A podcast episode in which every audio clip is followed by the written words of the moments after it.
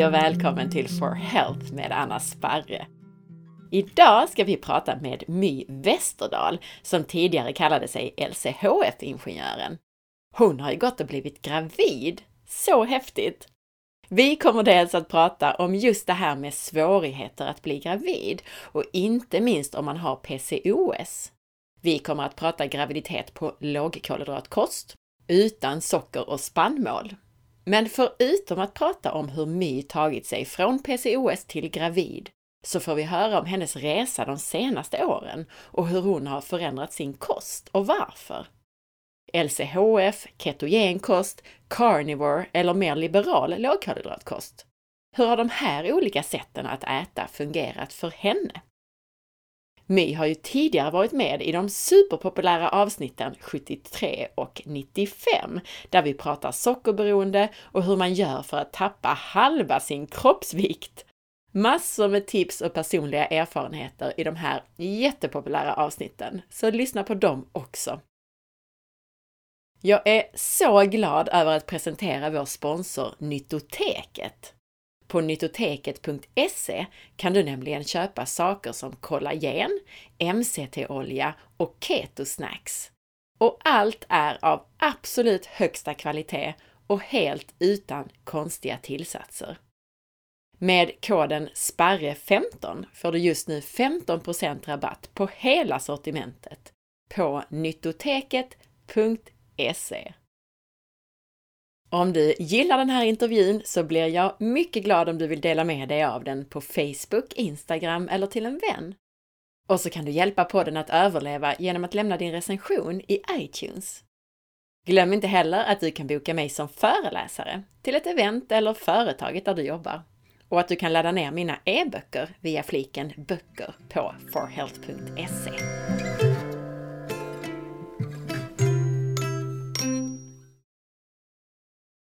Hej My och välkommen tillbaka till podden! Hej Anna och tusen tack! Ja, äntligen får jag säga, för det var flera år sedan som du var med här. ja, det var ett tag sedan faktiskt. Så att, nej, men det är jättekul att vara tillbaka och, och höra din röst. Och, alltså, det är så imponerande att efter alla dessa år så håller du fortfarande på och liksom sprider så mycket kunskap om hälsa. Tusen tack! Och nu får du komma tillbaka här och inspirera, för det är ju det som du verkligen är mästare på. Tack! Och idag så ska vi ju prata graviditet, för du är ju gravid. Stort, stort grattis! Tack! Ja, jag är på smällen. Äntligen! Med tvillingar dessutom. Så att det där med att göra saker lagom har ju aldrig varit min grej va? När det blev dubbelt upp direkt. Precis!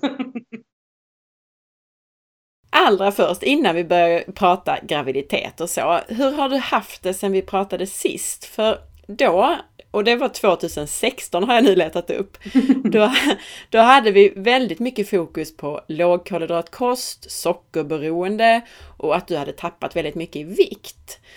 Kan du berätta lite om din resa sedan dess och hur du har förändrat din kost och livsstil efterhand? Absolut! Ja men alltså det var ju väldigt mycket på tapeten just då, för det var ju där jag var mentalt.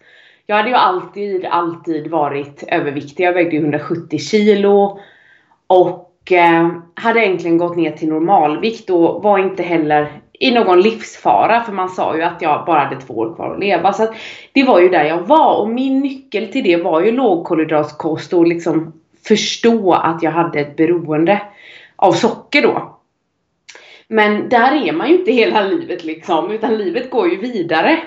Och eh, det gjorde mitt också. Och eh, jag håller ju kvar det här, alltså lågkolhydratkost är ju fortfarande så jag äter. Det har ju blivit så. Jag har ju käkat så här i tio och ett halvt år nu eh, i olika varianter så att säga. Men eh, och det är liksom det jag trivs med och, och känner mig trygg på och, och, uppnår min optimala hälsa på. Men just viktfokus och sånt, nej det är inte lika spännande längre kan jag väl känna. Nej, det har kommit mm. annat i livet. Det har det och jag körde ju två år, eller ett och ett halvt till två år carnivore också. Eh, som var väldigt mycket, om vi pratar om liksom hur kosten har förändrats och så. Mm, mm. Och eh, det var ju också en väldigt spännande resa för att det, det hjälpte mig väldigt mycket på, om man nu diskuterar kost och har förändrat och sådär, men det hjälpte mig väldigt mycket att läka ut alla mina inflammationer i kroppen. Exempelvis så på LCHF så hade jag ju gått från att vara väldigt högdoserad i min, min astma eh, till att gå till bara liksom långtidsverkande och ibland en korttidsverkande. Men bara några månader in på Carnivore så, så blev jag helt medicinfri och den effekten har bibehållits. Mm, fantastiskt. Ja, det är så skönt att vara helt medicinfri verkligen. Men jag äter inte så längre för att jag upplevde att efter något år på, på carnivore så kände jag att min kropp var väldigt stressad och uppe i varv. Jag tror den tyckte det var ganska jobbigt att tillverka all energi av protein liksom. Jag började också få lite såna här, du vet, typ, inte munsår, men sprickor i mungiporna. Så det var liksom väldigt tydligt att det var någon liksom vitaminbrist jag hade. Och lite såna här yrselattacker och grejer. Och då var det att lägga över till ketogen kost igen då. Som har alltid varit min trygghet. Eh, men jag är väldigt tacksam att jag gjorde det här med carnivore just för att det, det, det läckte ut så mycket inflammation i min, i min kropp. Men skulle jag rekommendera någon annan så kanske jag hade rekommenderat ett kvartal för att få bort de värsta inflammationerna och få bort candida och astma eller andra inflammatoriska tillstånd och sedan så återgå till liksom en en low carb kost kanske. Beroende på hur man trivs och så såklart. Och vi kanske ska nämna om det är några nya lyssnare att carnivore, då äter man ju ren animalisk kost.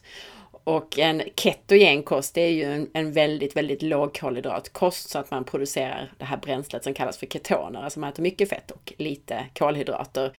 Ännu striktare än då på, ja, när man pratar bara LCHF så att säga. Mm. Jajamensan, men om man tänker då, om man jämför med när du, ska vi säga, mer började din resa på LCHF, äter du betydligt mer liberalt nu då med mer kolhydrater, eller mer grönsaker och rotfrukter och så? Eller berätta lite om din kost idag. Ja, alltså jag var ju tvungen, med tanke på att jag hade PCOS då, eller har PCOS, så var jag ju tvungen någonstans att försöka få bukt med min cykel. För den har ju alltid varit mer eller mindre hej kom och hjälp mig liksom. och eh, när jag åt då, vad ska man säga, vanlig kost så menstruerade jag bara två gånger i hela livet liksom. Sedan så när jag la över till, till LCH, alltså vanlig LCHF med mejerier så, så kom det ändå igång relativt regelbundet. Um, och sedan när jag tog bort mejerier så blev jag ännu mer regelbunden. Men sedan när jag gjorde min nu känner jag att jag går lite händelserna i förväg men för att ge lite bakgrund så gjorde jag en väldigt snabb viktnedgång där eh, precis när vi pratade 2016-2017 och då försvann min mens helt i nio månader. Eh, och då var jag ju tvungen att titta över så att eh, om man det jag har gjort, och vi kommer till det lite senare tänker jag, men det jag har gjort nu är att jag äter strikt ketogent på dagarna och sedan så lägger jag in ett litet insulinhöjande mål på kvällen. Um, som en sötpotatis eller bär eller alltså du vet någonting bra. Men som, som höjer mitt insulin. Dels för att liksom jobba tillsammans med leptinet som är mättnadshormonet. Men också för att släppa in mer serotonin genom alltså blod-hjärtbarriären. Så att jag får bättre sömn och också lugna kroppen, göra den mer trygg. Att du behöver inte producera kolhydrater ur eh, ja, protein då exempelvis. Um, för att du får lite här och då blir det ju mer trygg och, och jag kände att min, då blev min menscykel alltså mer regelbundet. Men som sagt, jag gillar ju att vara strikt och ketogen resten av tiden. Mm. Om dagen så att säga. Just det, men det är jättebra att du hänvisar till menscykeln. Vi har ju alldeles precis gjort tre fantastiska avsnitt tycker jag om just psyken och hormoner och så vidare och pratat väldigt mycket om hur just psyken avspeglar vår hälsa och hur vi mår. Så det är fantastiskt att du använder den nu och refererar till den tycker jag. Det är jättebra, jätteintressant. Jag tänkte också bara påpeka det här du säger då om att det här med sömnen och serotoninet och, och komma in i hjärnan och, och producera melatonin och så vidare. Det är ju så att just tryptofan och serotonin, alltså den här aminosyran, den konkurrerar, har väldigt hög konkurrens med andra aminosyror och insulin just kan hålla undan de där andra aminosyrorna och släppa in tryptofanet och tillverka serotonin och melatonin och sånt där. Så det, är, det är också ett jättebra exempel som du tar upp. Många som kämpar med sömnen framför allt. Mm. Och jag menar, man behöver inte trycka liksom chips och godis för att få det där utan man kan ju få liksom en en, en relativt lätt insulinhöjning men ändå en, ett kolhydratrikt mål på, på väldigt bra kolhydrater. Um, och jag gillar det här liksom att man kan kombinera med två världar. Att jag får den här energin och skärpan och inga blodsockersvängningar under dagen. Men sen på kvällen så får jag komma ner mer i varv liksom. Innan har vi haft mycket fokus på just sockerberoende och sockersug. Fungerar detta, alltså att till exempel äta sötpotatis då som är väldigt sött, funkar det för dig? För mig funkar det, för alla funkar det inte. Så där måste man ju vara väldigt sann och ärlig mot sig själv. Eh, sedan upplever jag också att, alltså nu har jag varit sockerfri så många år så att biokemin blir ju tåligare på något sätt. Kroppen är ju fantastisk på att läka. Så att saker som inte jag tålde alls förut går utmärkt idag. Um, och sedan så jobbar jag ju väldigt mycket också med det här att äta ångestfritt och vara en kroppskompis. Och, och i och med det då så, så insåg jag någonstans att jag hade en hetsätningsstörning ovanpå allting. Och man behandlar ju hetsätningsstörningar genom att liksom äta var tredje timma. Så att det gör jag nu för tiden. Um, ketogena mål var tredje timma. Och det lugnar ner systemet och mat tappar sin tjusning. Alltså det är så tråkigt att äta en jäkla biff eller en ketoboll eller någonting var tredje timma. Och då eh, på något sätt blir det ju det här att jag tål mer saker för att jag tycker det är ganska tråkigt att äta. Så det är också ett litet tips om man känner att fasiken, även om jag äter liksom LCHF eller jag äter ketogen kost eller jag äter väldigt rent och jag hetsäter ändå då är det en bra investering att prova kanske 60 dagar i alla fall eh, att äta var tredje timma. För det brukar lugna och trygga kroppen väldigt fint faktiskt. Men du har, sen har du uppehåll då, hur, hur många timmar? 12 timmar över natten eller hur mycket? Ja, alltså nu när jag är gravid så sover jag ketobollar på mitt eh, nattduksbord liksom. Man kan ju bli väldigt, eller, eller ölkorv liksom. Alltså jag kan ju bli väldigt illamående.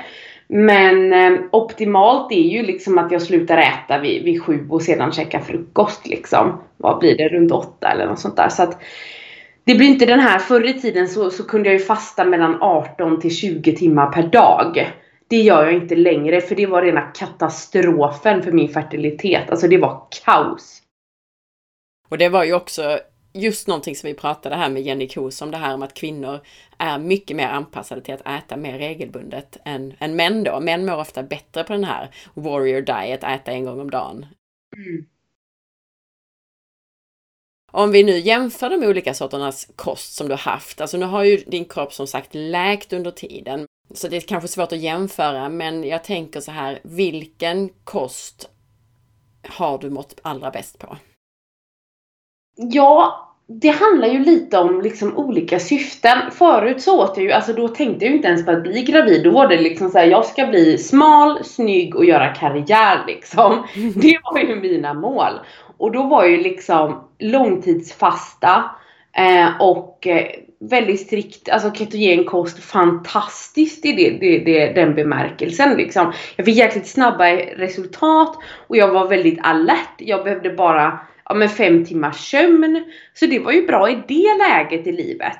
Och sedan så carnivore, det var ju fantastiskt som en kur för att liksom läka ut inflammationer och min astma. Och det var jätte, jag är jätteglad att jag gjorde det.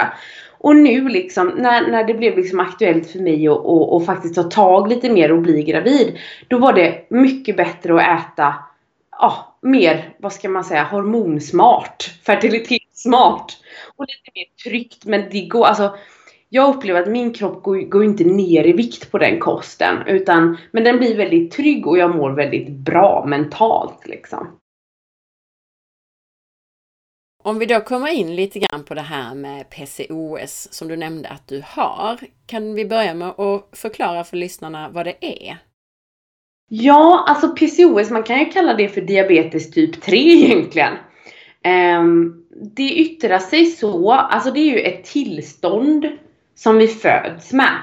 Så att det är ju liksom ingen, det är ingen sjukdom som vi utvecklar eller sådär. Utan det är liksom ett, ja, ett, ett syndrom kan man säga. Och sedan så, så, kan man, så kan man behandla det och bli symptomfri. Men det är ju någonting som ligger liksom i oss och puttrar. Och ofta får vi reda på detta genom att eh, vi har en oregelbunden cykel. Den kan vara väldigt lång eller så har vi det inte alls. Och det är det tydligaste symptomet. Och tyvärr så brukar vi liksom stanna där i våra tankar. Och ofta så säger våra läkare så här, ja men det här behöver du inte fundera på förrän du ska bli gravid. Vilket är lögn. För att PCOS påverkar hela livet. 10% av alla kvinnor lider faktiskt av PCOS. Så det här är ingen liksom sjukdom, eller inget syndrom som bara drabbar en. Utan det, det är liksom 10% utav den kvinnliga befolkningen. Och man uppskattar att 25% av all eh, kvinnlig övervikt beror på PCOS. Så, och det här vet liksom ingen om.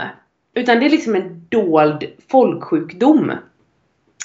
Eh, symptom är inte bara det här med oregelbunden cykel utan det är eh, Vi får ju höga androgener i kroppen, det vill säga alltså manligt könshormon i princip.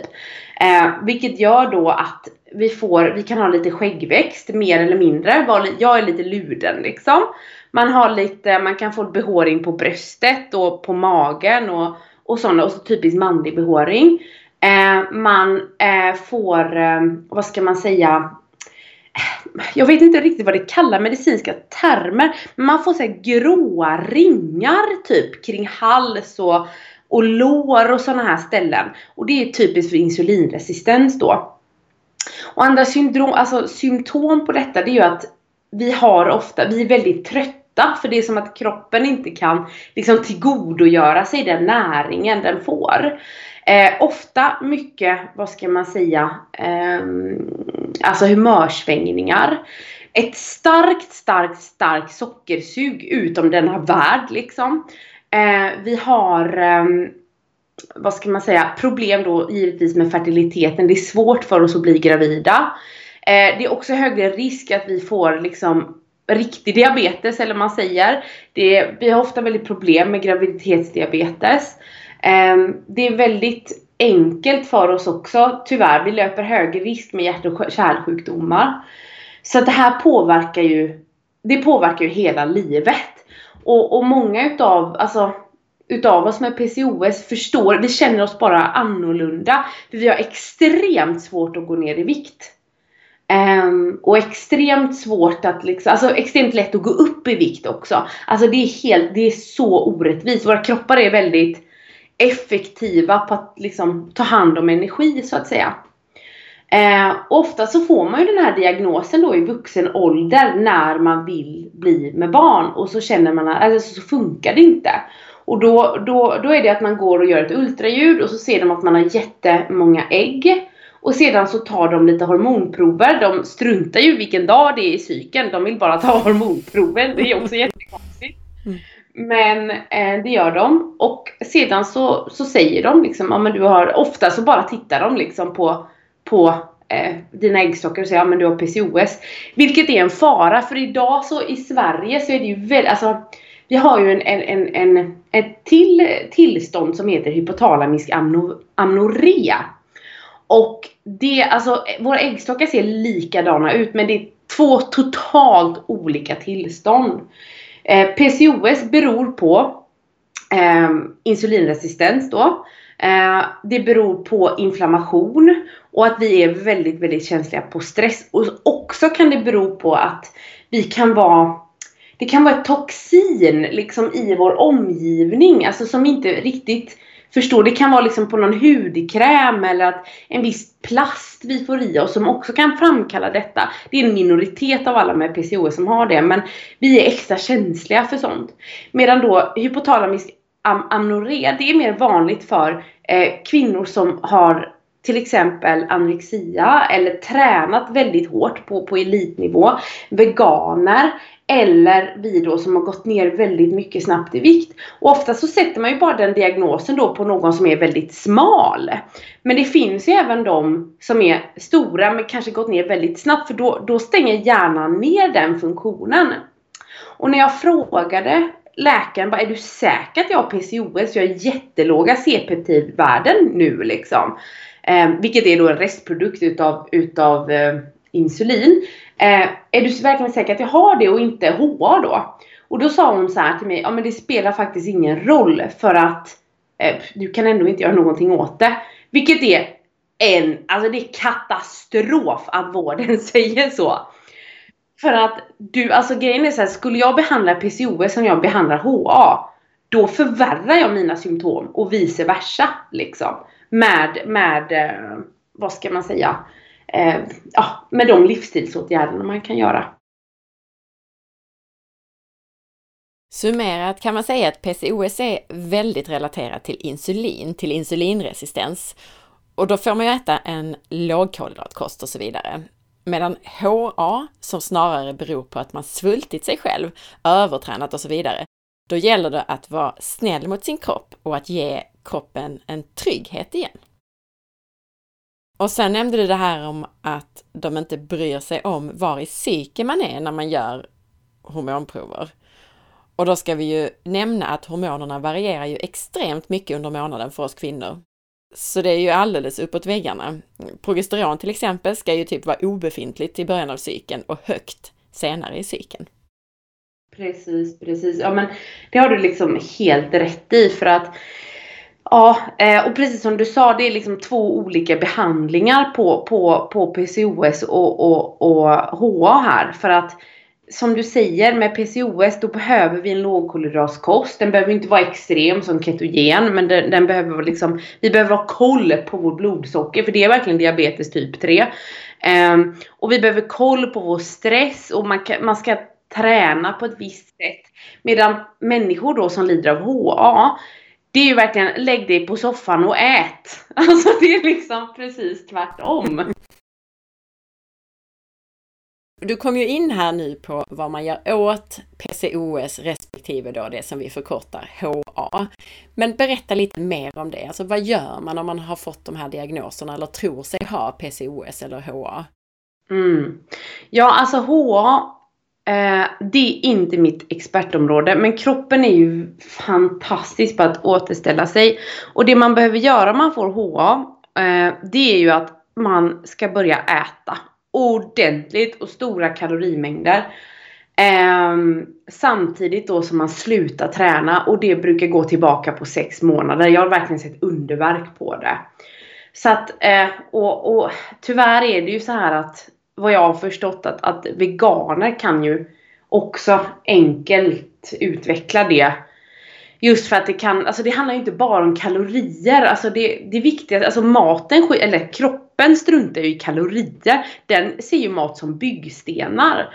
Och det kan vara tufft för kroppen, precis som det är tufft för kroppen att liksom vad ska man säga, bygga socker av protein så är det tufft för kroppen att inte få animaliskt protein eh, i många processer, vilket kan, kan påverka vår fertilitet. Men om man då ser på PCOS, som är en ganska komplex eh, symptombild så att säga, så behöver vi ju, alltså det är, vi behöver ändra hela vårt liv. Det är verkligen så. Eh, för att vi behöver eh, dels hålla inflammationsnivåerna på låga, alltså låga nivåer. Vi behöver ha ett lågt och jämnt och fint blodsocker. Och vi behöver typ plocka bort all stress. Då rullar det på. Och det här är jättesvårt i dagens samhälle. Det, det är så svårt. Så att det är ju ingen som begär av någon här att det ska funka perfekt utan jag tänker att man får tänka en dag i taget. Och det viktigaste vi kan göra för att 80% av alla med PCOS eh, är insulinresistenta. Eh, och det innebär ju att våra kroppar producerar mer insulin per kolhydrat och våra celler har svårt att släppa in sockret liksom. Och det bidrar till den här fruktansvärda tröttheten och att det här jättejobbiga sötsuget för att kroppen förstår inte att det finns massa energi utan den ber bara om mer och mer hela tiden. Och därför behöver vi äta en lågkolhydratskost. Vi behöver alltså äta saker som inte ger så höga blodsockernivåer eller svängningar. Det, alltså det är liksom det viktigaste vi kan göra. Och för varje måltid då vi faktiskt lyckas med detta är en, en, en seger för kroppen. Det är så vi får se det. Det är ju ingen som begär av någon att man ska äta perfekt hela tiden. Men att bara ha den här kunskapen att jag behöver äta blodsockersmart hjälper väldigt många. Och om man då tittar på inflammationer och så vidare så eh, är det ju den här bilden att ja, men vi behöver hålla ner inflammationsnivåerna. Och många som skriver och bara men jag har provat LCHF och det funkar inte. Då har man ätit den här typiska LCHF med väldigt mycket mejeri. Och den är ju väldigt, alltså många, jag säger inte alla, men många det drar ju igång mycket både insulin men även då att det är väldigt inflammatoriskt för många. Smör och G går ju bra för de flesta men ja, lever man på vispgrädde så, så kan det vara svårt för kroppen att ja, hantera. Så att plocka bort mejeri är ett, ett andra jättebra steg. Och sedan så handlar det om stress och det var ju bland annat därför jag insåg att jag behöver äta lite mer kolhydrater på kvällen eh, för att dels sova bättre men också liksom för att alltså lugna kroppen på något sätt. Och vi behöver alltså Alltså göra mindfulness och, och stressövningar, stressreducerande övningar som att det vore ett jobb. Det är jätteviktigt att komma ner. För så fort våra kroppar blir stressade så är det bara klippar.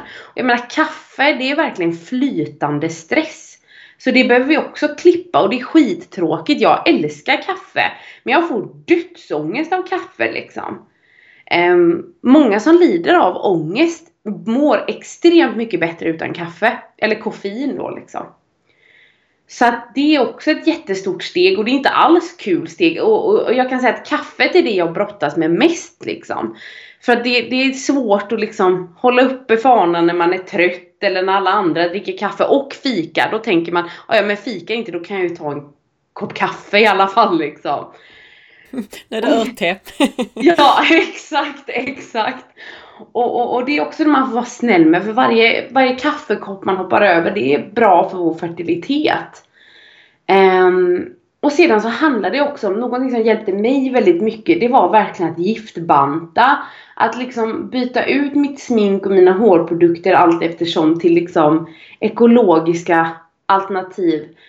Um, att liksom kasta ut all plast. Att, att um, ja, men göra de här sakerna. Att använda rengöringsmedel som är alltså, naturliga. Jag menar man kommer väldigt långt på bikarbonat och äppelcidervinäger faktiskt. Och det här låter kanske foliehatt men jag tänker att min kropp är, alltså det finns ju kvinnor som kan bli gravida trots att de går på heroin liksom. Det finns det. Min kropp är precis motsatsen. Alltså utsätter jag henne för minsta lilla så bara stänger hon ner hela systemet. Och med den verkligheten behöver jag acceptera och leva efter. Och, och, och därför behöver jag göra smarta val liksom. Och det är ju det som då till slut har hjälpt mig att bli spontangravid.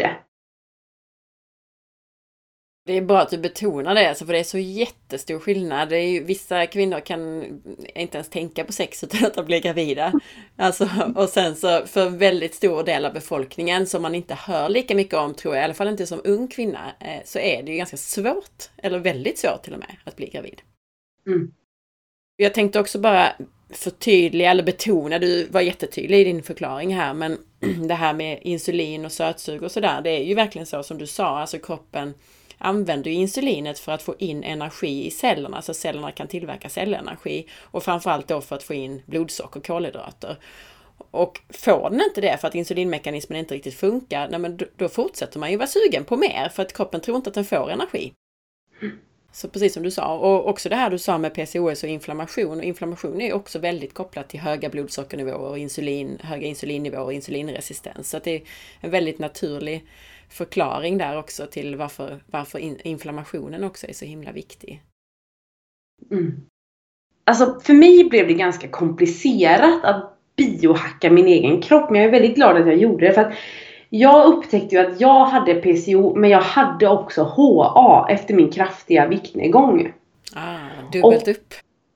Dubbelt upp ja. För att jag låg inte alls på de hormonvärdena och sånt där som man skulle med PCOS. Men jag vet att när jag åt normal kost så hade jag jag hade alla de här du vet typiska manliga behåringen, var tunnhårig. För det är också typiskt att vi får håravfall. Eh, jag hade bara mens två gånger i livet och så det här extrema sötsuget. Så jag har ju PCOS. Men på liksom en, en, en kost som vi precis diskuterade så blev det liksom regelbundet. Men sedan så jag gick ju in det här och bara okej, okay, smal, snygg och karriärist liksom. Det var mitt mål.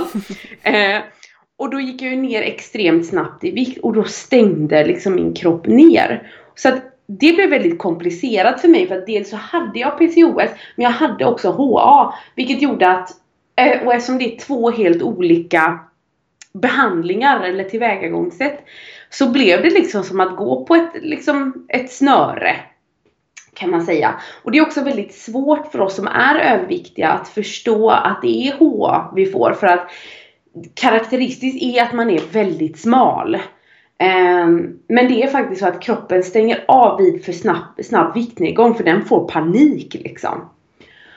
Och det jag fick göra då, det att jag kunde ju liksom inte avvika från min LCHF-kost eller min liksom så här lågkolhydratkost. Men jag var tvungen att sluta fasta och jag var tvungen att äta mycket och regelbundet liksom. För att min kropp skulle, kropp skulle chilla. Och sedan så var jag också tvungen att liksom träna smart. Att köra mycket styrketräning. Givetvis liksom intervallträning. Men inte det här långa utdragna löpandet liksom. Så att jag är jättetacksam att gå igenom det men det har verkligen varit, du vet, tungan rätt i mun här. Gud, jag förstår verkligen det och det är så bra också att du tar upp det. Det är ju ofta så att man, man balanserar. Och det, jag tänkte på det också nu när du sa det, så vi har ju gjort två avsnitt innan, 73 och 95. Och där i 95, då hade du gått ner minst 95 kilo. Du, jag kollade på den bilden, alltså du är ju väldigt, väldigt smal på den bilden eh, ja. i det avsnittet där. Mm. Så att det, ja, det är inte så konstigt tycker jag, alltså det du beskriver här nu. Jag kan också bara nämna, för alltså, du nämnde ju det här med eh, plastbanta och städa med kemikaliefria produkter och så. Vi har gjort massa avsnitt om det också. 250 är ett sånt där hur man städar utan kemikalier. Och sen har vi gjort med eh, Sara, Saras eviga då, 169 och 170. Jättebra tips på sånt också. Gud vad bra. Men jag tänkte också på det här, för du sa ju det här med stresshantering. Att det blir som, alltså, det blir som en arbetsuppgift för dig. Vad gör du dagligen för någonting för att hantera din stress? Ja, alltså för det första, en viktig nyckel liksom, det är Alltså det är lite så här, alltså nu blir det också en långdragen utläggning här känner jag. Men det var ju så här att när jag upptäckte att jag hade PCOS eh, eller, och senare, ett par år senare insåg jag att jag hade också HA. Men i alla fall, vi utgår från PCOS-diagnosen. Så eh, förstod jag också, eller så satte man ju mig på ganska kraftiga hormonkurer liksom. Eller väldigt kraftiga hormonkurer. Och alla reagerar ju väldigt individuellt på liksom hormoner. Det är ju så liksom. Vissa mår jättebra. Men för mig blev det kaos och det var de värsta åren i mitt liv. Alltså det var så hemskt. Ett så blev jag inte gravid ändå. Och sedan så fick jag fruktansvärda biverkningar. Jag fick ont i ryggen, tryck i bröstet, skyhögt blodtryck, ångestattacker. Och de här eh, hormonerna, de hade liksom bara funnits i Sverige i två år. Och jag vaknade upp en natt och mådde så dåligt och var helt Nu dör jag liksom. Jag hade sånt tryck över bröstet så att vi fick åka in till akuten. Och jag får liksom en utskällning för att nej, det är inte de, här hormonerna. Du jobbar för mycket. Det var det bemötandet jag fick utav vården och det, det är liksom det sista man vill ha när man sitter där med dödsångest. Och eh, det var ju väldigt lustigt för att en månad tidigare hade jag haft lågt blodtryck och jag hade fortfarande samma jobb liksom så att resonemanget höll ju inte ihop.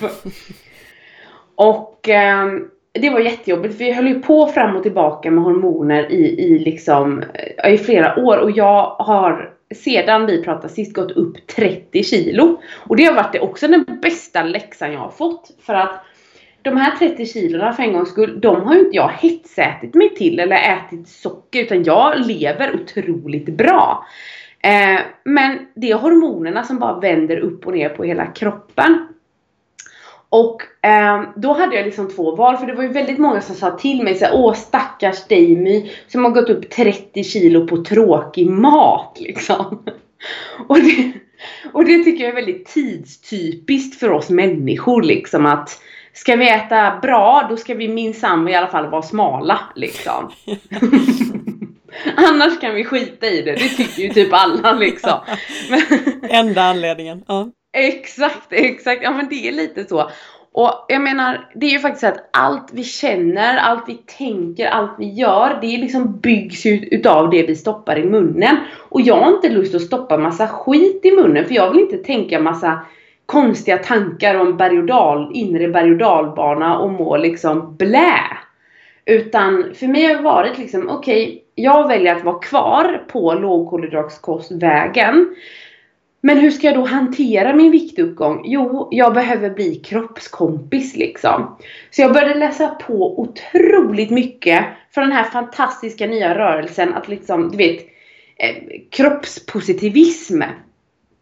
Och jag kände ändå att jag kanske inte riktigt hörde hemma där för att oh, jag var ju inte typen som satt hemma och, och, och liksom bara stormälskade min kropp och åt chips liksom. Utan för mig var det viktigt att hitta en väg att jag vill äta bra samtidigt som jag inte äter i syfte för min vikt utan mer för att jag är kompis med min kropp liksom. Jag behöver inte älska den. Jag behöver liksom inte sätta den på någon piedestal. Men jag behandlar den som en kompis. Jag behandlar den med respekt. Så att för det första, alltså stresshanteringen för mig var dels att plocka bort liksom mitt viktkomplex. Att det är okej okay för mig hur jag än ser ut. Jag menar om fem år kanske jag är smal igen, vad vet jag liksom. Eh, eller så väger jag fem kilo mer, jag har ingen aning. Men hur som helst så kommer jag stå fast vid min kost och jag kommer stå fast vid min kropp. Och sedan så började jag äta mycket mer och eh, vad ska man säga, mer regelbundet. Och det blev också väldigt liksom relief från stressen. För jag ville att maten skulle åtminstone inte vara, vara stressande. Eh, och efter det så givetvis, jag mediterar nästan varje dag. Det är skittråkigt men jag gör det liksom. Och sedan så är jag en person som är väldigt orolig av mig liksom. Eh, så jag har en orostid varje dag. Där jag sitter en kvart vid köksbordet och oroar mig. Och varje gång då så här oroliga tankar kommer så, tänk, så tänker jag typ, ja ah, jag får vara hur orolig jag vill men klockan fem idag får jag oroa mig liksom. Jätteeffektivt att ha en oroskvart. Jättebra. Mm. Ja, men det är, alltså det är verkligen så enorm skillnad på min livskvalitet. Um, så att det är väl liksom de tipsen och liksom också plocka, alltså sen så finns det ju mycket av de här liksom, liksom luddiga tipsen som att ja men liksom plocka bort mycket saker och vi duger som vi är och så här, för att någonstans så är det ju så att stress är lika med rädsla. Så när vi är liksom, alltså att stress handlar ju om att vi kanske har prioriterat alla andra framför oss själva för att vi är rädda att inte bli omtyckta. Eller vi har inte den här känslan att vi duger liksom. Um, och då kan man fan meditera hur mycket man vill liksom. Det blir inte bättre.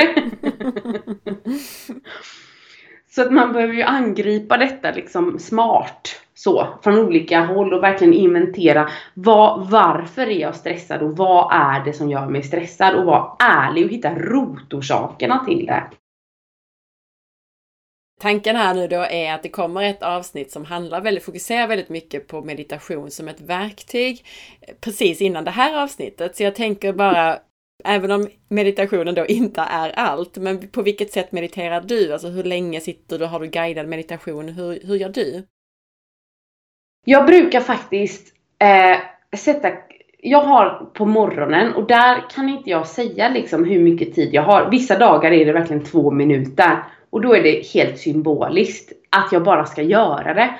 Andra dagar kan jag sitta 20 minuter och då sätter jag timern och så sätter jag mig upp och ner. Och så far tankarna liksom Liksom som en orolig apa överallt liksom. Och sedan återigen får man liksom bara fokusera på att liksom återgå till fokus i andningen. Så det är skittråkigt men det är ganska spännande också att betrakta sig själv för sin liksom uttråkning och den känslan och undersöka den vidare liksom. Um, och det höjer ju hela dagen. Man blir ju, jag upplever att jag blir mer närvarande varje dag jag har mediterat. Så för mig är det en fin investering och ha det som en vana. Och de dagarna jag har dåligt med tid blir det liksom två dagar. Men då har jag i alla fall gjort det för det är min vana. Så tänker jag. Och nu har du ju kommit in på det här redan. Alltså du berättade ju här om hormonbehandling och så vidare. Men min nästa fråga var ju just det här med din resa till att bli gravid, för det har ju inte varit helt lätt. Så kan du berätta lite mer om, om just resan till att du och din man har blivit gravida och hur du har haft det nu då de senaste åren? Mm, absolut. Alltså, det var väl någonstans där efter vi pratade, jag och min man började sätta igång liksom. För jag hade ett tryggt jobb och allting var liksom bra och tryggt liksom. Um, så vi ville sätta igång och så hände det inte ett skit liksom. Det var som teflon där nere. Och, eh, så att jag besökte läkare då på Karlanderska och de berättade för mig då att jag hade PCOS. Så det var ju jätte, jättetråkigt och, och traumatiskt också. Det var så jobbiga nyheter. Eh, men vi försökte väl tajma det lite mer hemma genom att mäta och räkna och sådär. Men det blev ju också hejkon bacon. Det gav inte så mycket. Och till slut då så började vi med regelbundna hormonbehandlingar. Vilket var jättetungt och jättetufft liksom. Men det funkar inte heller och jag gick bara upp och upp i vikt. Och det kändes bara hopplöst och jag såg alla andra bara bli gravida. Och sen så fick jag höra de här jäkla historierna. Bara, ah, men bara vi slappnar av, du vet, så gick det. Och jag bara, jag spyr, jag orkar inte höra en till sån historia alltså. Man blev så trött på det. Eh, och nu tyvärr alla där ute kommer ni få höra en till sån historia. Men jag vet exakt hur ni känner det för att jag tyckte det var jättejobbigt att lyssna på folk som bara hade skitit i det och så blev de på smällen. Eh, men det ligger någonting i det också. Hur som helst så fick vi en remiss då till, eh, vad ska man säga, IVF på, på eh, Sahlgrenska. Så där var vi i oktober nu i år då och jag tyckte det var så hemskt. Jag hade precis för att grejen var så här att jag fick ju väldigt rejäla biverkningar på de här behandlingarna. Och eh, vården hävdade att det var mentalt. Och när jag slutade med de här behandlingarna så upplevde jag att många du vet grejer var liksom kvar. Jag fick värmevallningar som att jag vore i, i, i klimakteriet. Jag hade fortfarande ångest. Det var massa konstigheter. Så att jag var ju själv. Jag har ju en del kompisar som är liksom funktionsmedicinare. Så de fixade lite test till mig. Sketdyra. Men jag gick ändå bakvägen då. Eh, där man liksom tog prover på mig och man skickade till USA och höll på. Och det visade ju att, att mina hormoner var helt upp på väggarna.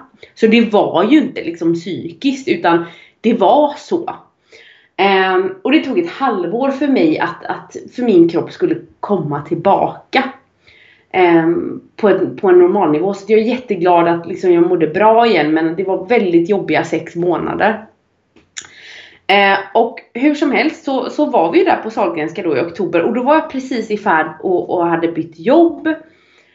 Och jag kände att jag orkar inte mer liksom. Eh, vi kom in till läkaren och hon liksom går igenom hela processen. Och så jag bara gråter hela mötet och hon, och hon undrar ju liksom vad problemet är. och jag bara sitter och lipar och min man stackarn alltså, fy han satt där helt stel. Och han visste väl inte av eller till liksom. Och jag mådde jättedåligt. Och, och så sa hon att hon inte alls var van vid det. Utan alla som kom dit har ju väntat väldigt länge. Och var, brukar vara väldigt förväntningsfulla. Så att det här var en ovanlig reaktion. Men jag var ju så himla rädd för de här sprutorna och tabletterna jag skulle ta. Jag bara, ja, jag kommer må sådär piss igen liksom usch jag vill inte. Så att när vi hade fått allt det här utskrivet så sa vi, vi måste hem och tänka på detta. Och då sa jag till min man att jag är jätteledsen men jag fixar inte det här just nu. Jag gör inte det. Utan nu vill jag, alltså vi får lägga åt det här åt sidan. Och för jag orkar inte igen. Liksom, jag orkar inte den här karusellen. Och jag har precis bytt liksom, jobb. Och han respekterade och förstod det. Så att vi bestämde oss för att vi lägger det här på hyllan. Vi köpte en ny liten bil. en liten bil. Och vi bestämde oss för att resa massa. Nu kom ju Corona. Vi hade bokat massa fräsiga resor i sommar. Men det blev ju ingenting med det. Eh, och sedan så, ja men vi bestämde oss liksom. Och sen började vi diskutera att Ja men alltså vi kanske ska öppna familjehem istället. För det hade passat oss väldigt bra. Han är barnsjuksköterska så han älskar barn. Och jag själv är ju liksom uppväxt i dysfunktionell familj. Så att för mig hade det varit väldigt fint att kunna ge tillbaka. Så vi båda två började kolla upp hur det fungerar och tänkte att ja, men det här är en jättefin plan på ett par års sikt. Liksom. Och då helt random så plussar jag ju liksom. Fantastiskt. Ja. ja det, det, var, det var helt galet alltså för att Alltså samtidigt hade jag bestämt efter det här att nu måste jag börja leva efter min liksom hormon vad jag, alltså vad experterna säger att jag ska göra liksom. Och då är ju liksom, ja men eh, Vulverin hon är ju fantastisk, hon är ledstjärna och där var det ju verkligen så här, bort med kaffe, ät rejält med kött men kroppen behöver lite kolhydrater också för att bli trygg. Um, ja men du vet, plastbanta, ta bort alla de här kemikalierna. Ja men liksom leva verkligen inte för att bli smal och snygg och göra karriär utan, utan att leva för att få en, en sund cykel. Och det fick jag ju liksom. Um, så att jag är jättetacksam för den här resan. Den har varit fruktansvärt jobbig men det som är fint med den här resan det är att jag idag får hjälpa andra och, och lägga deras pussel liksom. Och det är jättefint. Så jag känner verkligen att allt jag någonsin varit med om, även om det har varit liksom en dödlig övervikt på 170 kilo eller liksom en, en, ett sockerberoende som höll på att äta upp hela mitt liv eller nu liksom en jätte, alltså en svår manövrerad PCOS så det har alltid slutat med att jag har lärt mig väldigt mycket och faktiskt få, få ge vidare kunskap till andra som lider av samma. Så att det, ja, nej jag är så tacksam idag. Så tacksam. Det är fint, alltid sådär i backspegeln, alla utmaningar blir ju oftast, eh, kan man se tillbaka på som en fantastisk lärorik resa ofta. Men det är ja. svårt att se det när man är mitt i det alltså. Ja, verkligen. Först så beskrev du om de här hormonbehandlingarna. Vad var det för hormoner du fick egentligen? Och gud, jag kommer inte ihåg vad de heter. Jag är ledsen Anna. Ja, nej det är inga problem. Men det var inte så här att okej, okay, det ska efterlikna östrogen eller progesteron eller alltså det var inget så typiskt, nej. Nej, för det var liksom olika kurer. Någon skulle få mig att blöda och någon skulle få sätta mig i klimakteriet och någon, alltså du vet, det var en jävla massa tabletter. Så jag vågar inte svara på det. Nej, nej, men jag tänker för just de symptomen, det var ju typiskt så klimakteriesymptom, värmevallningar, gråtmildhet, ja. alltså det där. Och det brukar ju vara när östrogenet sjunker och börjar svaja som man får de, eh, de symptomen. Och sen när du beskrev det att ni satt där och du kände att nej men nu kan jag inte mer, nu börjar jag gråta, då var det inför en IVF-behandling då eller? Ja, mm. exakt så var det. Om vi nu skulle summera vad det var som faktiskt gjorde att du lyckades bli gravid. Alltså vad är framgångsfaktorerna? Eller vad var dina framgångsfaktorer egentligen? Mina framgångsfaktorer det var liksom, det var att eh, hålla insulinet lågt. Att hålla stressnivån lågt och hålla inflammationen låg. Det är de tre hälsomarkörerna vi måste ha i åtanke i allt vi gör som PCOS-are. Kalorier är inte intressant.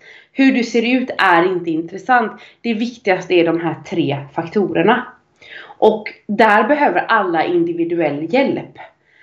Um, för mig och för många handlar det om att äta en lågkolhydraskost som är fri från mejeri. Det handlar om att ha ett fungerande liv utan extrem stress för att då är det andra kastat i sjön liksom. Och det handlar faktiskt om att, att du behöver liksom inte kasta ut allt du har idag. Men nästa gång du ska köpa en rengöringsprodukt eller nästa gång du ska köpa en ny foundation liksom. Köp giftfritt. Um, och, och, och, och, tänk så för att våra kroppar är mer känsliga. Och jag kan se det liksom som en blessing också. För att jag menar hade jag levt på stenåldern nu och att vi hade varit i någon fejd med en annan stam liksom. Då hade inte jag blivit den som hade gått på smällen, eller blivit på smällen liksom. eller att det varit jättemycket, alltså det har varit lite mat under en period. Då hade inte jag varit den som svultit ihjäl liksom. Så det finns en funktion. Alltså PCOS har sin funktion. Men i vårt moderna samhälle så det är en tuff diagnos att leva med. Som del i den här framgångsfaktorn att, att det här med att hantera stressen så kanske man då ska summera också just det här med kosten som du sa, alltså att äta mer för att bli en fertilitetsgudinna än för att bli smal karriärist. Så ja. att vara lite, lite mer liberal då mot dig själv i kosten va? Exakt, exakt. Och liksom kunna synka det. Som jag, jag gillar att ha skärpan som man får av ketogenkost. Men jag gillar att ha lugnet som man får av en mer paleokost. Och det går att kombinera. Liksom. Det gör verkligen det. Och, och jag tycker att jag har hittat den optimala bränsleblandningen för mitt syfte just nu. Och det är liksom att lägga mina kolhydrater på kvällen innan jag ska sova. Och det kanske också är en nyckel, jag tänker det här för att hantera sötsuget, att man vet att det är just på kvällen man äter det. Så det är inte fritt fram hela dagen att äta sånt som smakar sött. Exakt, exakt. Och det är en begränsad mängd och det är till ett syfte. Liksom. Så nej, jag trivs jättebra som det är just nu. Perfekt. Är det några tillskott som du har tagit? Ja, speciellt nu du vet när man är gravid. Alltså du förstår inte Anna vad du har räddat mig. Jag hade sånt illamående och jag bara fasiken ska jag göra? Och så självklart klev jag in på din blogg och B6 och så käkade jag B6 och det blev ju så mycket bättre. Åh oh, vad härligt. ja, det var helt underbart verkligen. Och då äter jag ändå mycket kött men ja, ibland behöver kroppen kanske det lilla extra. Mm. Särskilt kroppar som är stressade förbrukar mer magnesium och en kofaktor till magnesium som är just B6. Så att stress gör att vi behöver mer B6. Och sen finns det massa genetiska varianter som gör att vissa av oss behöver mer B6 också. Så att absolut, helt naturligt. Intressant. Ja, för man känner ju det, eller jag upplever det på min kropp att, nu har jag ju aldrig varit gravid innan, men jag upplever ju liksom på min kropp att den, det är ju en stress för en kropp att bygga ett barn. Ehm, det krävs ju mycket mer av den liksom. Så att, att, att vara stresssmart just nu, det är ju väldigt viktigt. Och det kan jag känna så här, för jag är ju helt utslagen vissa dagar. Eller nu är det väl okej, okay, men liksom i första trimestern. Och där är det så väldigt typiskt att vi lever i liksom ett mansdominerat samhälle. Att jag som kvinna förväntas att vara som vanligt. Trots att jag liksom bygger barn i min mage. Jag förväntas liksom att jobba på precis samma sätt och vara och orka på precis samma sätt. Och det, det ja, man, jag märker det allt mer nu att det, det, det är väldigt det är väldigt märkligt tycker jag att det, det, det är uppbyggt på det sättet. Mm, och framförallt så känns det ju väldigt taskigt att det är de där första tre månaderna när man är så supertrött. när det inte syns sen så man inte berättar det för någon och då mår man skit. exakt. Sen, sen när man mår bra då börjar folk resa sig på bussen för en. ja, exakt. Då kommer man bara glida på det där när man får det glowet också. Precis. Men är det några andra tillskott? Ja, alltså någonting som är väldigt viktigt med oss med PCOS och när vi är gravida. Det är ju liksom zink, omega 3. Eh, och så är det, alltså till exempel det finns vissa då som har väldigt problem med liksom eh, blodsocker och så vidare. Det eh, finns ju inosot inosotol tror jag det heter. Mm, finns det något som heter ja. Mm. Precis. Eh, och sen så finns det ett tillskott till. Åh, oh, nu har jag glömt namnet men det är något på B också. Hur som helst, det har lite samma verkan som eh, vad ska man säga, Metformin. Att man blir lite mer liksom insulinkänslig. Jag har inte behövt ta det för att jag har ju mätt mitt C-peptid och jag har väldigt låga värden C-peptid. Um, däremot så upplevde jag när jag precis var gravid, jag har ett fasteblodsocker, jag tar ju det nästan varje dag och då brukar jag ligga på mellan 4,1 till, till eh, 4,3 millimol per liter. Men i början när jag blev gravid så stack det faktiskt iväg. Och det var ganska intressant. Och när jag säger liksom sticker iväg så pratar inte jag liksom 8-10 millimol utan jag pratar om 5,2 så det var ungefär en höjning på en enhet. Och det gjorde mig lite orolig. Men som jag äter som tillskott då, det är resistent stärkelse. Det funkar så bra för mig. Jag har ju mätt min tarmflora så jag vet att 30% utav min tarmflora kan producera smörsyra. Så att för mig är resistent stärkelse en väldigt essentiell del i min ketogena kost. Och den trycker faktiskt ner mitt blodsocker och gör det stabilt. Och dessutom gör det mig väldigt mätt på ett helt annat sätt. Så att jag är ju ett big fan av resistent stärkelse. Du tar ju upp någonting väldigt viktigt där, att tarmfloran är jätteviktig för insulinkänslighet och blodsocker och så vidare. Den är ju viktig för allt. så är det ju. Det var någonting annat du sa där, det är faktiskt, jag tror faktiskt jag skrivit ett blogginlägg om det, om att vi naturligt ska bli lite insulinresistenta under en graviditet. Alltså det är, finns ett syfte med det. Jag tror jag har skrivit ett blogginlägg om det, så att eh, jag ska se om jag kan leta fram det och länka till det. Spännande. Nej men alltså det, det, det är sådana, man får ju pussla där lite också och jag tänker liksom att varje klient jag hjälper också med PCOS så får man ju lägga liksom ett individuellt pussel. För det är ju väldigt, tre väldigt stora bitar och när det gäller tillskott så där behöver man ju mäta innan man bara lassar på eh, massa tillskott. Eh, och vissa har ju faktiskt, det är väldigt, väldigt enkelt också. Eller det är väldigt vanligt också att man har problem med sköldkörteln och då behöver man ju liksom hjälpa den med. Som tur är så just sköldkörteln och PCOS behandlar man båda två på liknande, alltså man behandlar båda två på ganska liknande sätt. Um, så de två diagnoserna går ganska väl hand i hand. Det är inte som liksom PCOS och HA. Utan um, vad ska man säga? Man, man gör ju ingenting med PCOSen som skulle skada sköldkörteln på något sätt. Så det är faktiskt väldigt bra. Är det någonting annat, ja du har ju nämnt själva stresshanteringen, men är det någonting annat som vi inte har tagit upp som har varit viktigt då under den här resan till att bli gravid?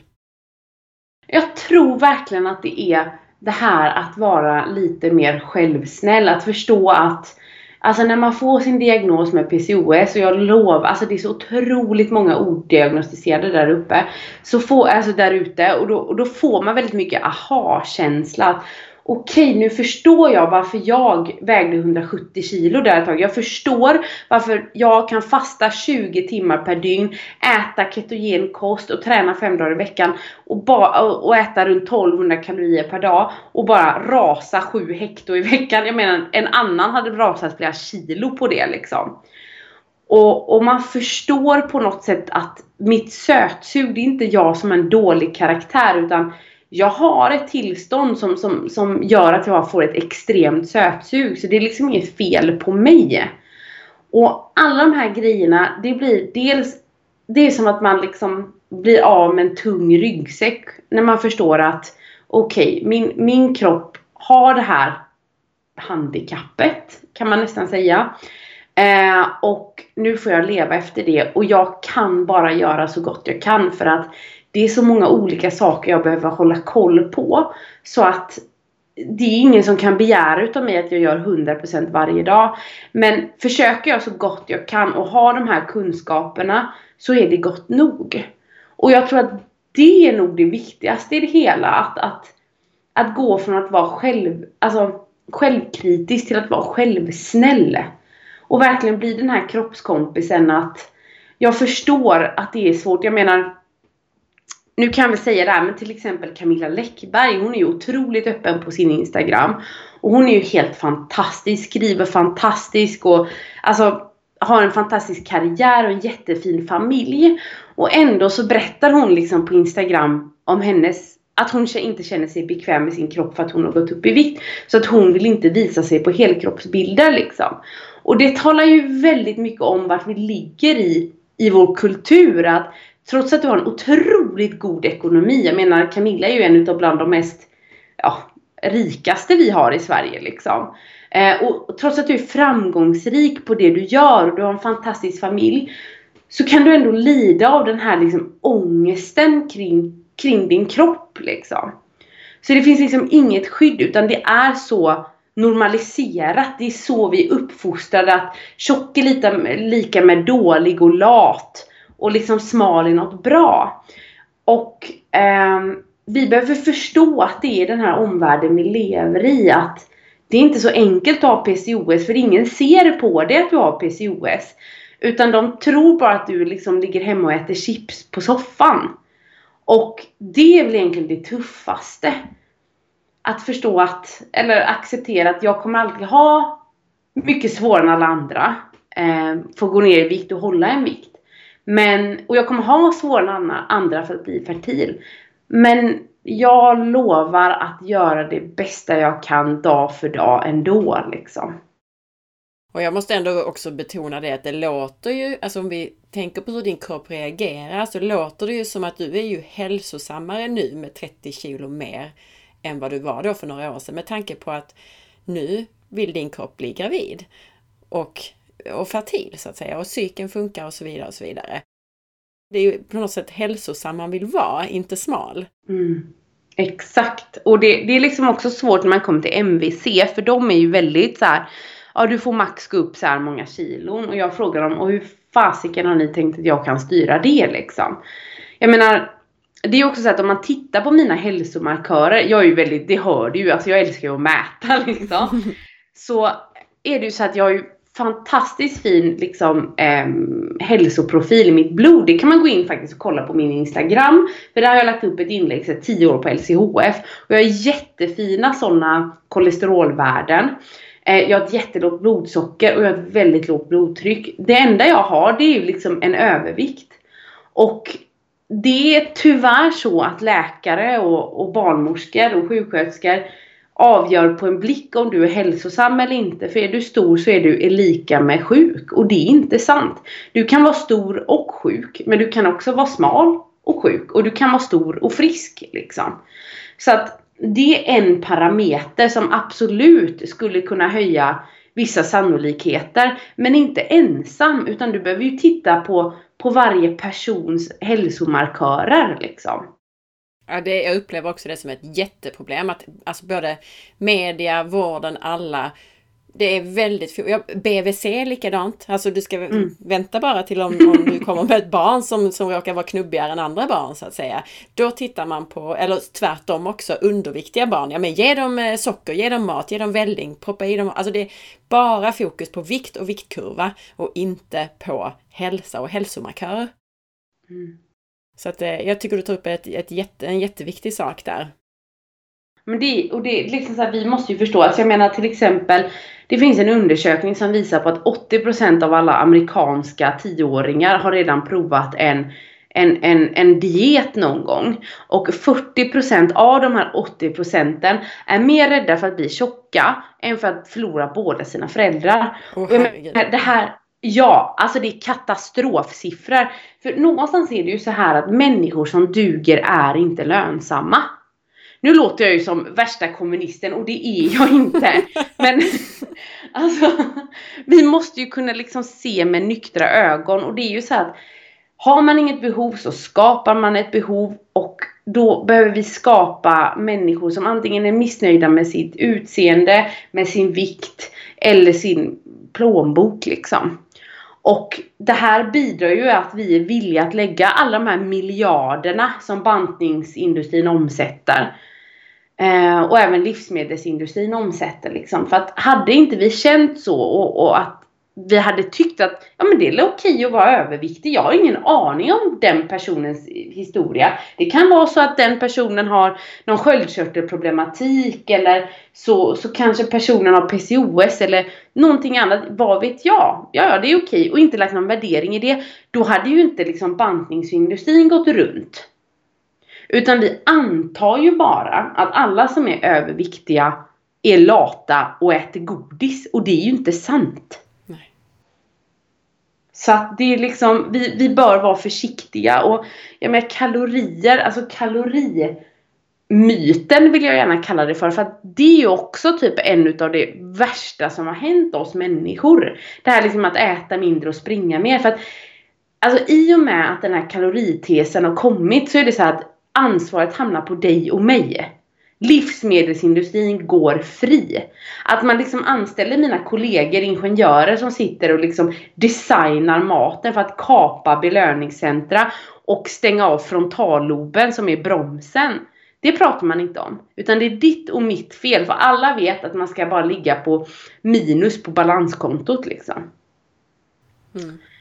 Så att, eh, ja, nej. Jag, jag blir väldigt irriterad. Och det är ju så här att jag förklarade min problematik på MVC att eh, nu har ni i era journaler att jag har PCOS, att jag har fått behandling för det. Eh, det står att jag gick upp 30 kilo under min behandling och eh, jag tränar varje dag och äter, jag har inte ätit socker på fem och ett halvt år liksom. Ni kan inte göra mer än så här. Och ändå så höll de på och så gick jag ju ner i vikt under första trimestern. Och ändå så ringde de och frågade om jag ville ha, vad fasken var det? Alltså, vad hette, alltså typ motion på recept tror jag de kallar det för. Och om jag ville träffa deras dietist. Och därför så tog jag beslutet och så sa jag till dem att nu har ni tyvärr förbrukat mitt förtroende. Så att jag kommer inte väga mig mer hos er. Så. Och jag kommer inte ta någon glukosbelastning heller. Det är ungefär lika dumt som att jag skulle hälla i mig en pava vin liksom och inte ha druckit på fem år liksom. Jag hade ju blivit döfull. Så att jag menar, hade någon hällt i mig massa flytande socker så kommer jag ju, alltså min kropp hade ju hamnat i chock. Och liksom inte alls kunnat producera den mängden insulin liksom. Så att jag hade ju fått så sjuka felvärden liksom. Det gjorde faktiskt inte jag heller. De, de gör ju det eh, på alla en sån här glukosbelastning för att mäta om man har graviditetsdiabetes och så. Så sa jag, ja. jag vill inte utsätta min kropp och mitt foster för det, sa jag. så, så då sa hon, okej, okay, okej, okay, du kan väl äta typ ett kolhydratrikt eh, mål då, alltså en, en, frukost och sen komma in. Jag bara, okej okay då. så jag drack lite juice och jag typ så en glutenfri macka och så jag åkte dit. Ja. Så bra! Men jag tänkte på en annan sak här, för du pratar om det här liksom föraktet mot en själv, bara för att man ser ut på ett visst sätt eller sådär. Hur tror du att det är? Jag tänker just nu det här med svårigheten att bli gravid. Är det så att kvinnor som har svårt att bli gravid klandrar sig själv mycket tror du? Ja, det tror jag. Jag tror att man, alltså jag kände ju mig defekt. Bara vad är det liksom för, för problem med mig? Och du vet alla som bara Ska inte ni skaffa barn snart? Jag menar jag och min Martin har ju hängt ihop i nio år liksom. Och vissa trodde liksom bara hon kanske hatar barn liksom eller sådär. Och, och det, var, det var tufft liksom. För att, för att jag kände mig alltid som liksom en halv kvinna på något sätt. Och um, tänkte hela tiden på liksom allt jag gjorde fel och allt jag Alltså att jag kunde göra saker bättre och att Ja men du vet det här liksom. Um, så att ja, det fanns ett frakt hos mig. Och det fanns ett frakt Alltså även kring vikten där liksom. Även fast jag vet hur jag äter varje dag. Även fast jag vet vilka tuffa behandlingar jag satte mig på. Så är det klart, jag menar. En lördag den månaden så tog jag ju en portion för mycket. Alltså du vet det är väldigt enkelt att sugas in i de här normerna i samhället. Att det är mitt fel att jag är tjock och det är mitt fel att jag inte är fertil. Jag är dålig och jag är värdelös. Och där behöver man ju liksom en motpol tänker jag. Och för mig har den motpolen varit väldigt mycket kunskap och att läsa och att att, att liksom förstå mekanismerna. Jag behöver veta hur saker fungerar för att jag ska släppa det. Jag behöver liksom inte andas i kvadrat och acceptera saker. Utan när jag var flygrädd då läste jag på exakt hur ett flygplan fun fungerar och sen så släppte det. Och det är precis samma här liksom. Jag behöver fungera hur, alltså förstå hur både min kropp fungerar men även hur samhället och dess normer fungerar för att kunna släppa. Så kunskap för mig är otroligt viktigt för att hålla mig nykter. Och, alltså nykter tankemässigt menar jag liksom. Att, att man tänker nyktra kärleksfulla tankar om sig själv. Och jag tänker också att det är det som är så himla viktigt också. För att jag vet att skulle någon titta på mig med avsmak eller tycka jag är dålig. Alltså det har ju ingenting med mig att göra. Alltså dels handlar det om att personen inte har utbildning. Liksom. Den, har, den vet inte om vad PCOS är för någonting. Den vet inte om liksom hur, ja, har tillräcklig biokemisk utbildning för att förstå att olika mekanismer.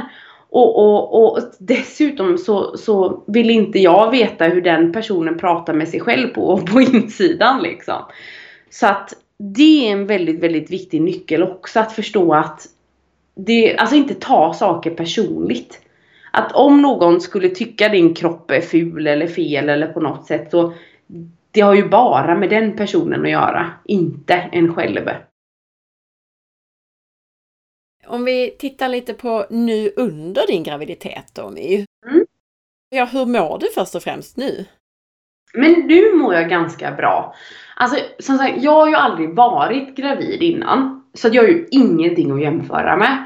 Men många som jag har kontakt med då som, som har haft en graviditet, eller graviditeter innan med bara ett barn. Säger ju att en tvillinggraviditet är någonting med extra allt liksom. Och eh, så att det blir liksom extra jobbigt alltihopa. Och för att det är ju så här, dels så blir man ju stor ganska snabbt. Jag menar, de tar ju mycket plats och sedan så får man ju väldigt höga hormonnivåer så att alla graviditetssymptom kommer mycket tidigare.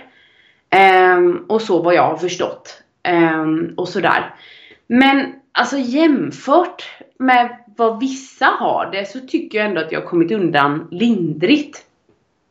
Det, det jag kan uppleva det är väl den här identitetskrisen. Jag menar för ett och ett halvt år sedan då satt jag som VD i två bolag samtidigt som jag jobbade som avdelningschef.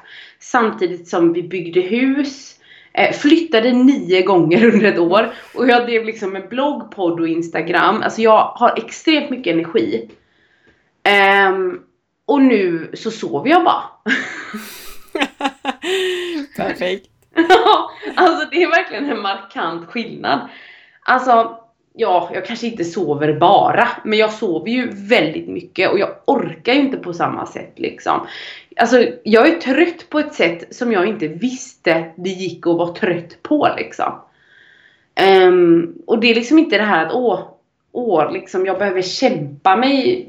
Eller liksom, alltså det går på något sätt med viljestyrka att övervinna den tröttheten. Utan det är ju kroppen som tvärbromsar som bara nu, nu behöver du sova. Så att jag har ju gått tillbaka till bebisstadiet själv och sover två timmar mitt på dagen också liksom. Precis. Äh, jag känner igen ja. det där också. Det var en period under min graviditet när jag typ låg utslagen på soffan, vilket typ aldrig har hänt i mitt liv. Så, så mitt, mitt numera ex då, han bara, alltså ska du inte gå ut en promenad? Jag bara, nej jag kan inte då får du bära mig. Var på den nivån. Men när det gäller maten och så då, alltså äter du likadant som före graviditeten förutom då att du har ketobollar på nattduksbordet? Nej, alltså jag äter ju, alltså nu är det ju verkligen så här fritt fram. Alltså jag får ju äta vad jag vill när jag vill liksom. Eller vad jag vill äter jag inte, men jag äter ju ketogent liksom. Problemet är att det var så roligt. De första veckorna när jag blev gravid, det enda jag ville ha det var fett. Så jag satt liksom och åt kokosgrädde med sked liksom. Och det kan man ju förstå i backspegeln. Ja, jag förstår det för att kroppen behövde bilda väldigt mycket hormoner. Så det är klart jag drogs till fett. Men sen så fick jag ett sånt där typ gallstensanfall. Eller ja, gallsten. Men jag fick extremt ont i gallan. Och efter det, alltså, och jag med, jag är ju van att kunna smälla i mig 200 gram fett per dag liksom. Men med min graviditet så tål inte jag lika mycket fett längre. Jag gör inte det. Um, så att jag äter väl mer protein idag eh, egentligen. Och dessutom så blir det så att ska jag äta så ofta så blir jag så, jag kan inte bli för mätt heller för att det är jättejobbigt att vara illamående, mätt men ändå tvingas äta. Så det har ju blivit ganska, alltså det är mycket protein jag äter nu och grönsaker. Men du är väldigt strikt i att inte äta socker och spannmål och så va?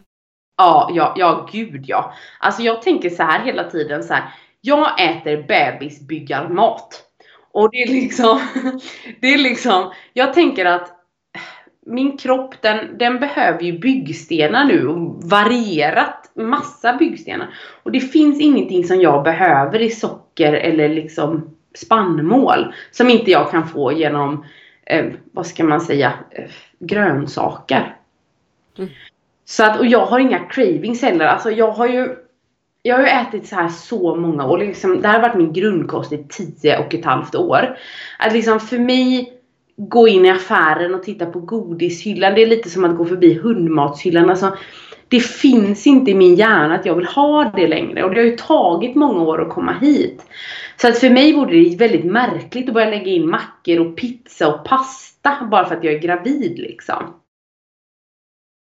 Personligen så känner jag igen mig lite i det där med fett och sådär under graviditeten. Jag fortsatte också att äta en lågkolhydrat paleokost under min egen graviditet. Mm. Men jag hade definitivt svårare för stora mängder fett och jag åt också mer frukt och bär som kändes lite lättare.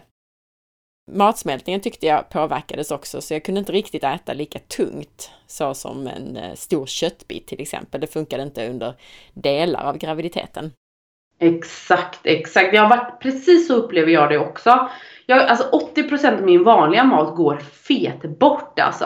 Jag har liksom inte fixat de här, precis som du säger, tunga måltiderna utan jag har fått pussla fram och det som funkade i första trimestern det var typ skinka, fisk, eh, ölkorv då. Jag köper direkt från bonden så det är liksom bra saker.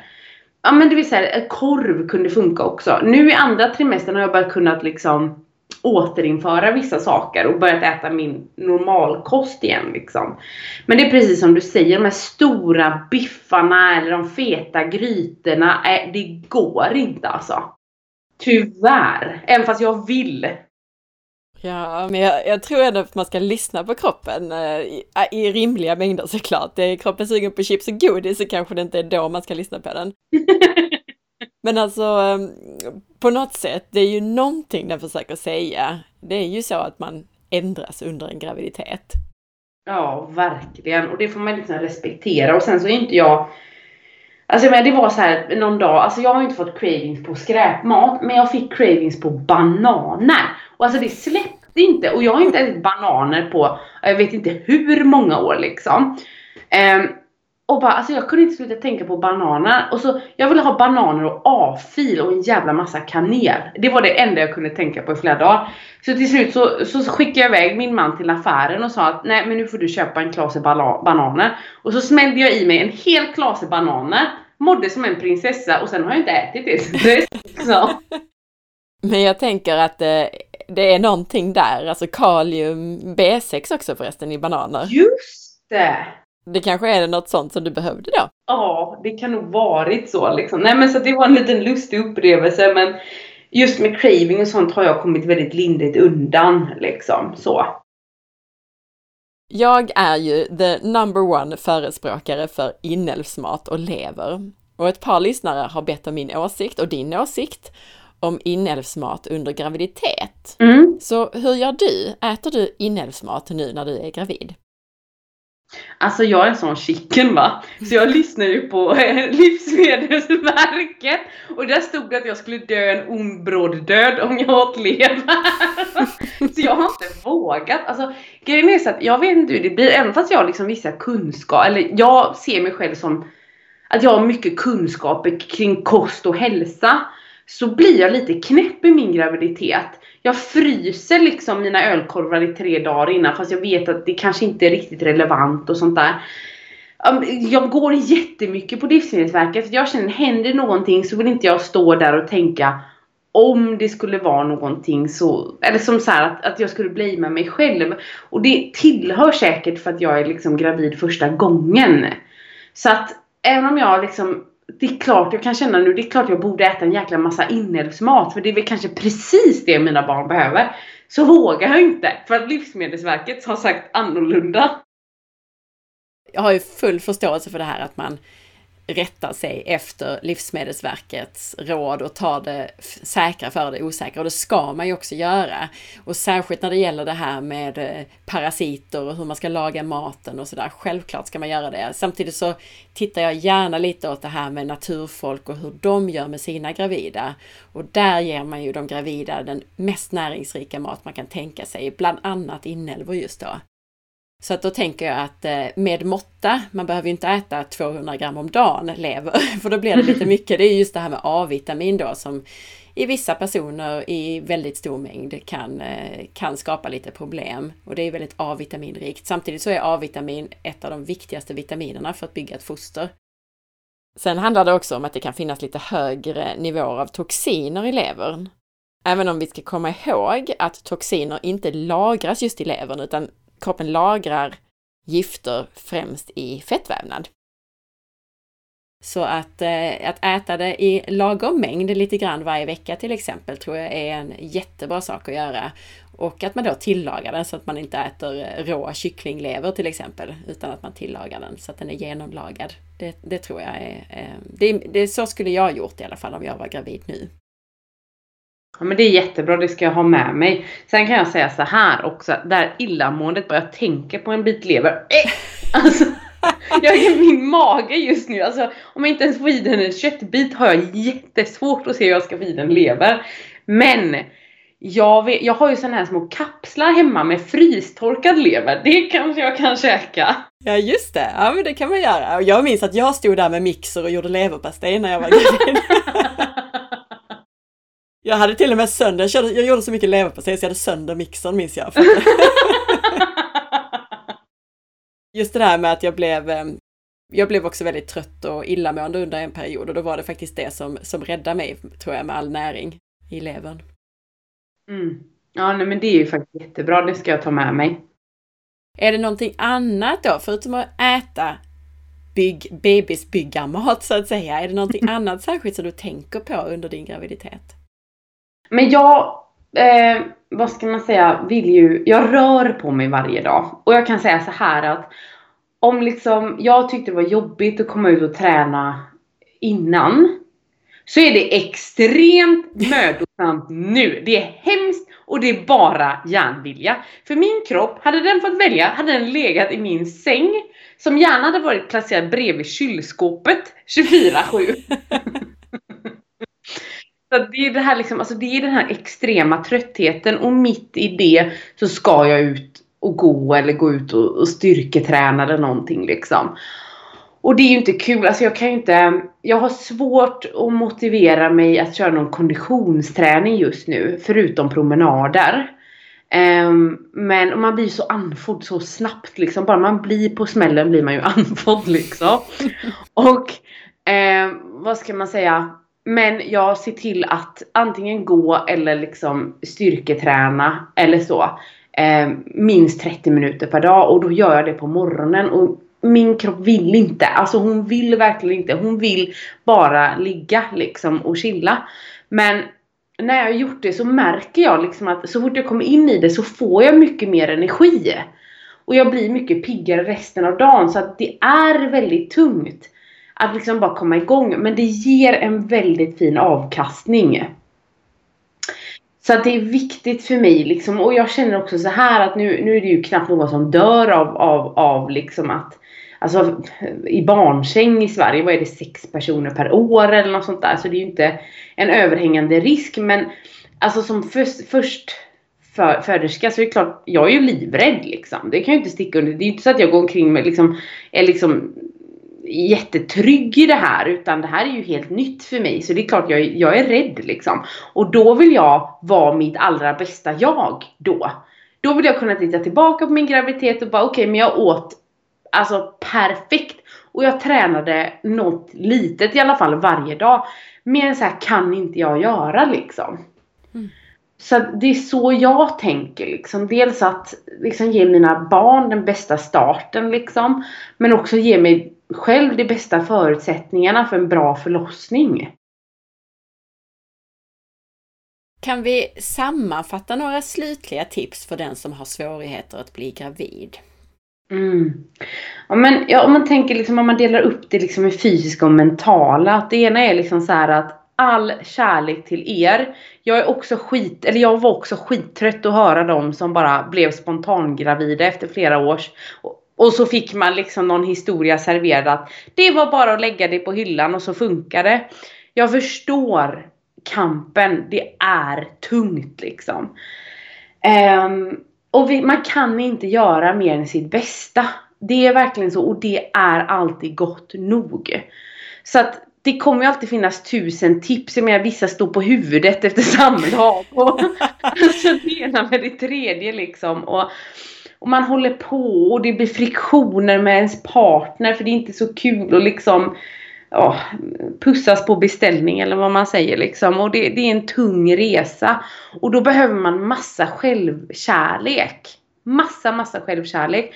Så det bästa tipset eh, jag vill ge dig som kämpar med det mentala, det är liksom vira in dig i mentala snuttefilter liksom. Gör fina saker för dig själv.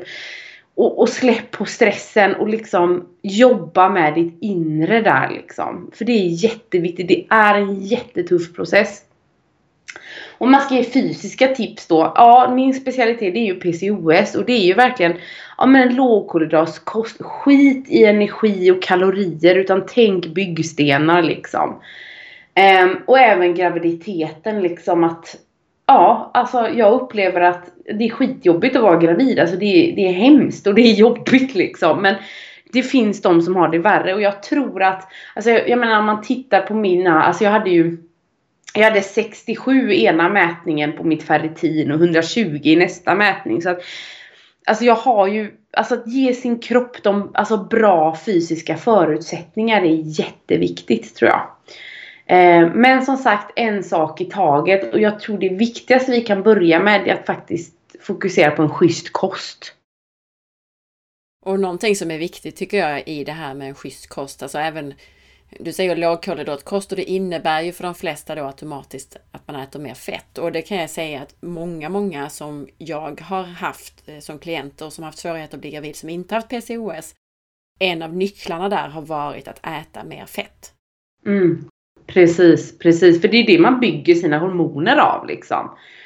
Det är ju verkligen så. Um, så det är viktigt att ha bra fetter och, och ett schysst protein. Liksom. För mig är det väldigt viktigt nu. Liksom, jag köper allt mitt kött hos liksom, bonden som finns liksom, en mil bort härifrån och det är bara ekologiskt. Sånt där. Sen så alltså, har inte alla samma ekonomiska förutsättningar. Det är så.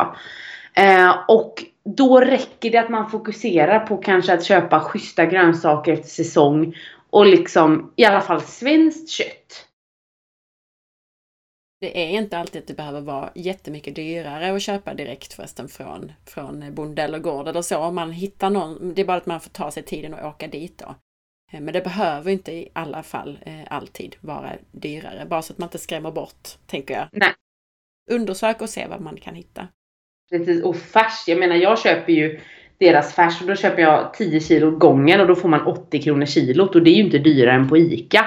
Plus att det inte innehåller massa så här uppblandningar då med vatten och skräp liksom så att det blir ju billigare ändå. Ja, ja men precis. Och jag vet att det här är någon så här lammgård och sådär. Då säljer de ju, alltså jag menar inälvsmaten då, den kostar ju sådär 59 eller 79 kronor kilot alltså. Det är ju halva priset mot en torr gammal kycklingfilé på ICA. Så att, det är grejer det. Ja, nej men så är det ju verkligen. Det går att hitta bra. Och de brukar alltid vara bra att diskutera med också eftersom det är människor man handlar och bara, ja men jag har en tight budget. Vad tycker du att jag ska köpa liksom? Ja, perfekt. Mm. Är det någonting My som du tycker att vi har missat att prata om eller nämna för lyssnarna? Nej, jag tycker vi kom in på väldigt många roliga grejer. Liksom, det var högt och lågt, både liksom PCOS och, och liksom graviditet och sedan det här med liksom kroppskompis liksom. Och det var väl en grej jag kom på då som, som, som jag gärna hade velat nämna och det är hur man tränar som PCOS-are. Mm. Och även där så behöver man vara hormonsmart. Det är ju det viktigaste när man har PCOS. Att man ska inte tänka på kalorier för då kan man banta på hallonbåtar. Och när vi bantar på hallonbåtar så får vi en jätteknäpp hormonprofil. Så det vi behöver tänka på, liksom strunta i kaloritänket och bara tänka på hormoner och näring. Och likaså hur vi tränar så behöver vi verkligen träna eh, hormonsmart. Och det vi behöver göra då det är liksom träna på ett sätt som ökar eh, insulinresistent eh, insulinkänsligheten, tvärtom. Ja, Och det är ju mycket styrketräning. Tung styrketräning brukar vara väldigt bra och väldigt förmånligt för oss. För att vi har ju redan mycket testosteron så att vi bygger lätt styrka liksom. Um, så det brukar rekommenderas och även då inte den här liksom uttrött sittande träning, att man springer flera mil. Utan i så fall kanske en till två gånger man kör lite tabata. Men den här högintensiva träningen, den ska man också vara lite försiktig med när man har problem med liksom fertilitet. Så att när jag tränade så tränar jag max eh, 30 minuter per gång. För att liksom inte ställa till hormonerna. Så ehm, träna liksom kort och det är helt okej. Okay. Och det är till och med bra för liksom när du vill bli gravid. Tusen tack eh, My för alla de här fantastiska tipsen och att du delar så frikostigt av din personliga resa också. Tack Anna att jag fick vara med. Det är alltid kul att prata med dig. Detsamma.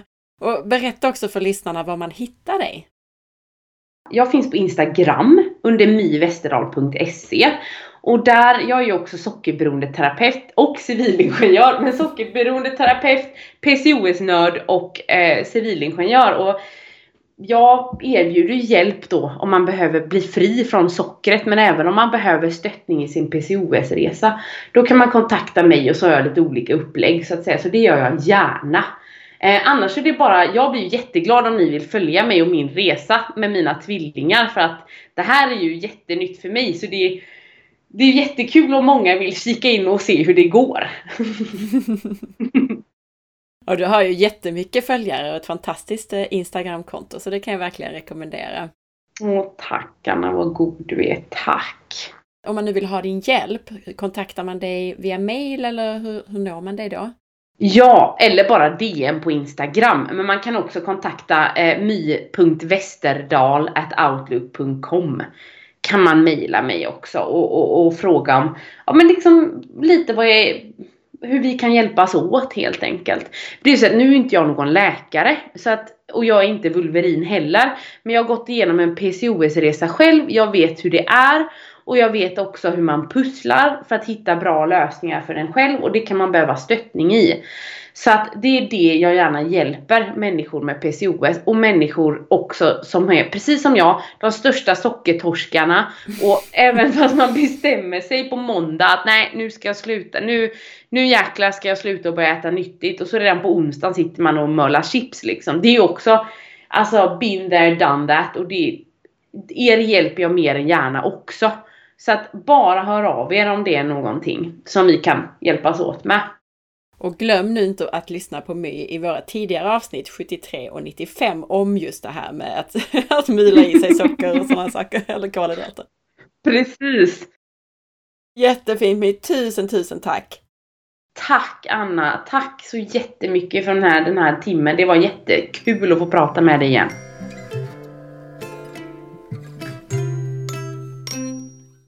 För att du lyssnade! Jag hoppas att du gillade det här avsnittet lika mycket som jag. Glöm nu inte att dela med dig till en vän som borde lyssna, eller varför inte i en grupp på Facebook. Veckans recension i iTunes är från Be Jesus som skriver Fullkomligt lyrisk! Jag älskar denna podd! Tar upp så mycket av mycket och ingående. Det har blivit många ögonöppnare för egen del och tips jag kan ge vidare till människor som behöver det. Tack, tack, tack, tack! Tusen tack för den här recensionen! Missa inte att följa med på facebook.com forhealth.se och på Instagram via asparre. Och titta gärna in på forhealth.se. Ha nu en fantastisk dag så hörs vi snart igen. Hejdå!